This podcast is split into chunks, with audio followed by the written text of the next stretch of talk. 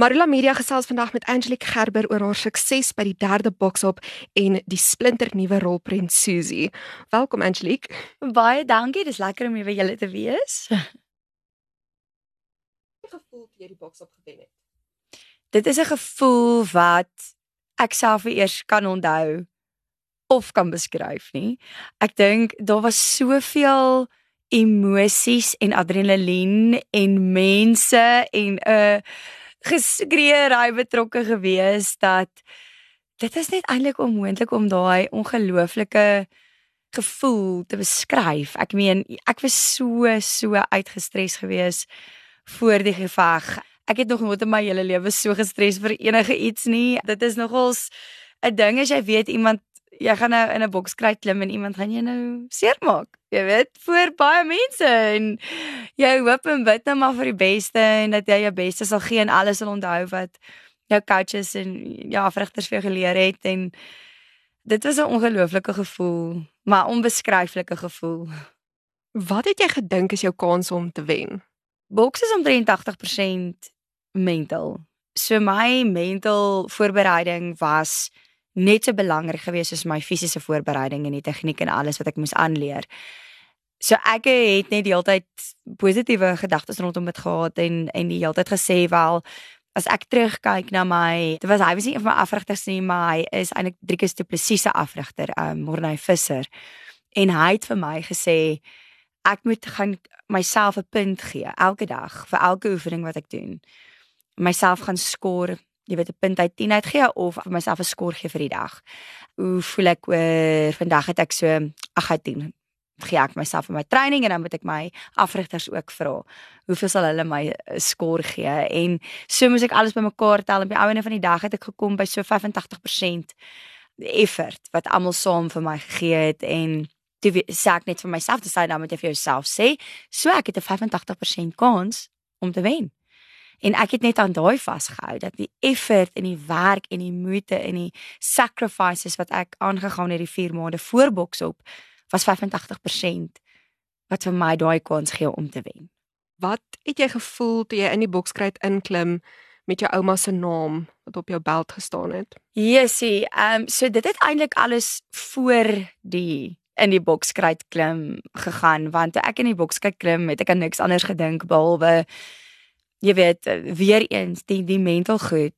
Ek is in beheer van my emosies. Ek het geen emosies nie. I'm cool, calm and collected with angry hands. Ek het net oor en oor en oor en oor daai mantra van myself gesê. En Stef Rademeier, hy het hy dit nou weer vir my geleer. Hy was Agtela Reiskie, Stefan de la Rey. Hy was my coach gewees ook. En ek het net aan dit gedink. So ek het nie eintlik aan Susie gedink toe ek in daai boks kry klink nie, maar natuurlik voor die tyd. Ek ek sou sê seker so 6 weke voor my geveg toe ek nou my uitrusting en so moes kry en vir hulle sê wat wil ek graag op my beld sit. Was dit net asof ek net duidelikheid by die Here gekry het en hy het net vir my gesê soos veg vir jou ouma, want ek het geweet van die begin af ek wil nie my eie van of my naam op my beld sit nie want ek veg nie vir myself nie. Ek veg vir elke vrou en kind daar buite wat mishandel word en nie hulle self kan help nie en nie voel daar's 'n uitweg uit die situasie uit nie. En ek het net duidelik gehoor hoe ek met my ouma se naam opsit en ek moet vir elke Susie of dit nou 'n kind of 'n vrou of 'n man is, vir elke Susie daar buite wat nie 'n uitweg het nie, fight. Kom ons gesels bietjie oor die oefenproses. Ja, het die gogga jou gebyt? Oefen jy nog steeds? Wel, ek het eintlik nog nie weer teruggegaan om te gaan boks na boks op nie wat vir my baie hartseer is want ek was mal daaroor gewees. Ek het versekerde liefde vir dit ontwikkel. Ek is net nog so besig van daar af gewees. En ag en ek wou 'n bietjie tyd afstaan aan my kinders ook en net weer by hulle incheck en uitkom en jy weet dit het so baie tyd weggevat van al die ander goeders uit my lewe uit. En so ek fokus weer 'n bietjie om terug te gaan in die industrie en by my kinders te wees en net weer myself te vind na die 4 maande se se harde werk wat ek ingesit het. Maar die gogga het my verseker gebyt. Ek wil volgende graag kickboxing probeer. So who knows? En ek fokus nou nogals 'n bietjie op my golf ook. So dit sal my volgende sportsoort wees wat ek graag ek weet nie 'n sukses van sal wil maak. Maar ja, ek 'n oomblik daarvan het ek geniet en ag ek was nog altyd iemand wat aktief was en sportief was. So um, ek smal oor die boks. Daar is baie mense wat glo dat vroue nie eintlik in die bokskruit hoort nie. Waarom was vroue in die kruit juist die perfekte manier om die boodskap te versprei? Ja, kyk, ons het nogals baie as ek woord backlash kan kry, daaroor gekry. Baie, baie mense het gevoel maar dis mos net teenstrydig teenoor waarvoor ons nou staan en ek hoor waar hulle vandaan kom maar hy, ons het nog steeds gekry om daaroor te praat. En dis wat ons wou hê. Ons wou mense skok in die ding dat hulle moet begin praat hieroor. Want weet jy wat? Dit is skokkend wat aangaan in party mense se huise. En ek dink vir party mense, ek meen veral vir my ma en van my mense wat regtig lief is vir my, het verskriklik gehuil toe ek klaar is. Hulle het my net gesê, jy doen dit nooit weer aan my nie. En ek het gesê, "Wel, weet jy wat? Party vrouens beleef dit elke dag van hulle lewe."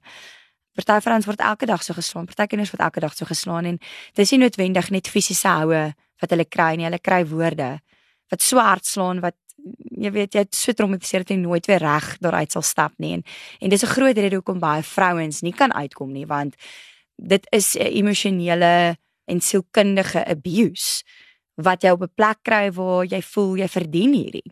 Jy verdien dit en jy verdien nie beter nie en hy's reg hy is lief vir my. En dat mense kan sien weet jy wat dit kyk dit is hoe dit lyk.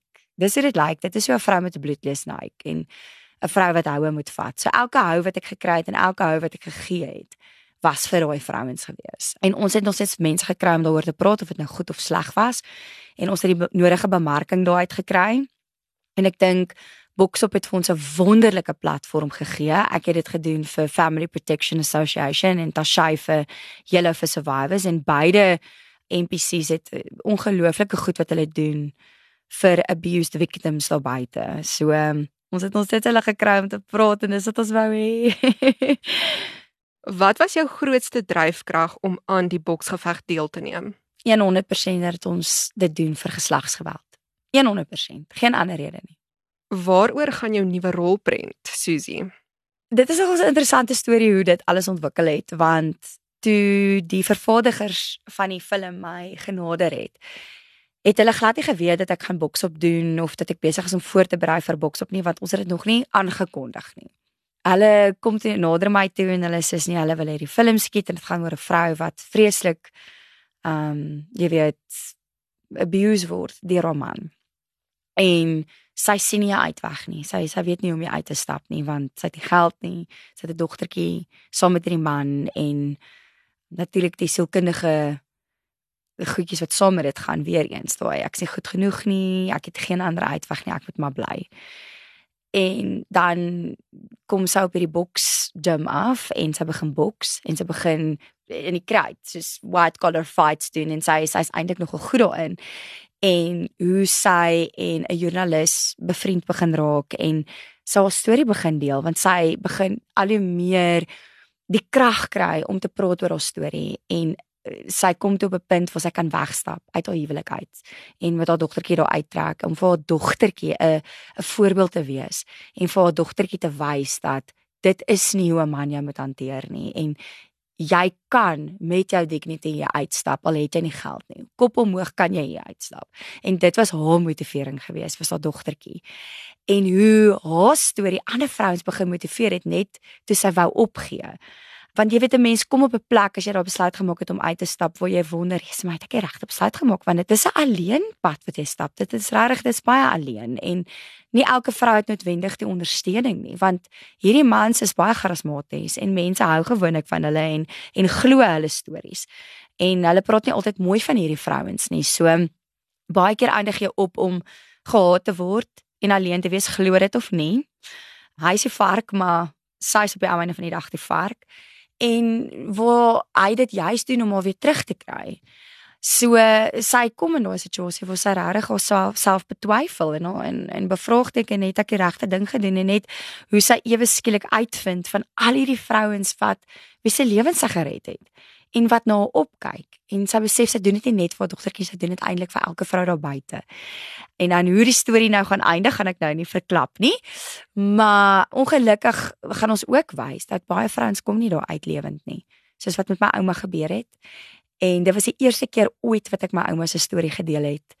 So toe hulle nou uitvind maar ek doen boks op en ek ek gaan soos 'n regte fighter voorberei en dit is my passie vrouens wat uh, jy weet so gewelddadig hanteer word. Dis hulle is wel, dit is 'n ongelooflike koneksie en dit is net God het absoluut ons paai laat kruis en ek is die perfekte aktrise vir hierdie rol. En toe hulle my storie hoor op Boksop, die aand van Boksop, dis hulle so hoorie, sal dit reg wees met jou as ons jou karakter se naam verander na Susie toe en die film se naam Susie maak. En ek het sommer net begin huil. Dit dink ek net, weet jy, uiteindelik kry my ouma o, oh, dag, jy weet, waar ek vir iets kan doen en sy legacy kan agterlaat en hopelik kan haar storie en hierdie vrou se storie en hierdie film ander vrouens hoop gee om nie die enigste uitweg is nie dood nie. Daar is 'n uitweg. Vertel my waar en wanneer gaan mense na die rolprent kan kyk? Wel, daar is nou nog 'n paar goedjies moet wat moet gebeur. So wat ons hier by julle kom skiet het hier by uh nou by Morella Studios hier by Vertrekker Monument was uh die pilot soos wat hulle dit noem wat ons eintlik vir mense in Amerika gestuur het. So uh, ons wil nogals groot gaan met hierdie. Ons wil 'n groot budget kry. So dit is nou waarvoor ons bid. Ons het dit vir uh vervaardigers in Amerika nou geskiet en dit vir hulle gestuur en dan is hulle dit nou okay. Dan kan ons nou begin offisieel verfilm aan hierdie film en groot gaan met dit en op 'n groot skaalse platform vir die internasionale markte daar buite sit. So sodra ons daar kom, sal ons 100% weer met julle gesels en al daai fynere inligting vir die luisteraars en vir julle kan deurgee.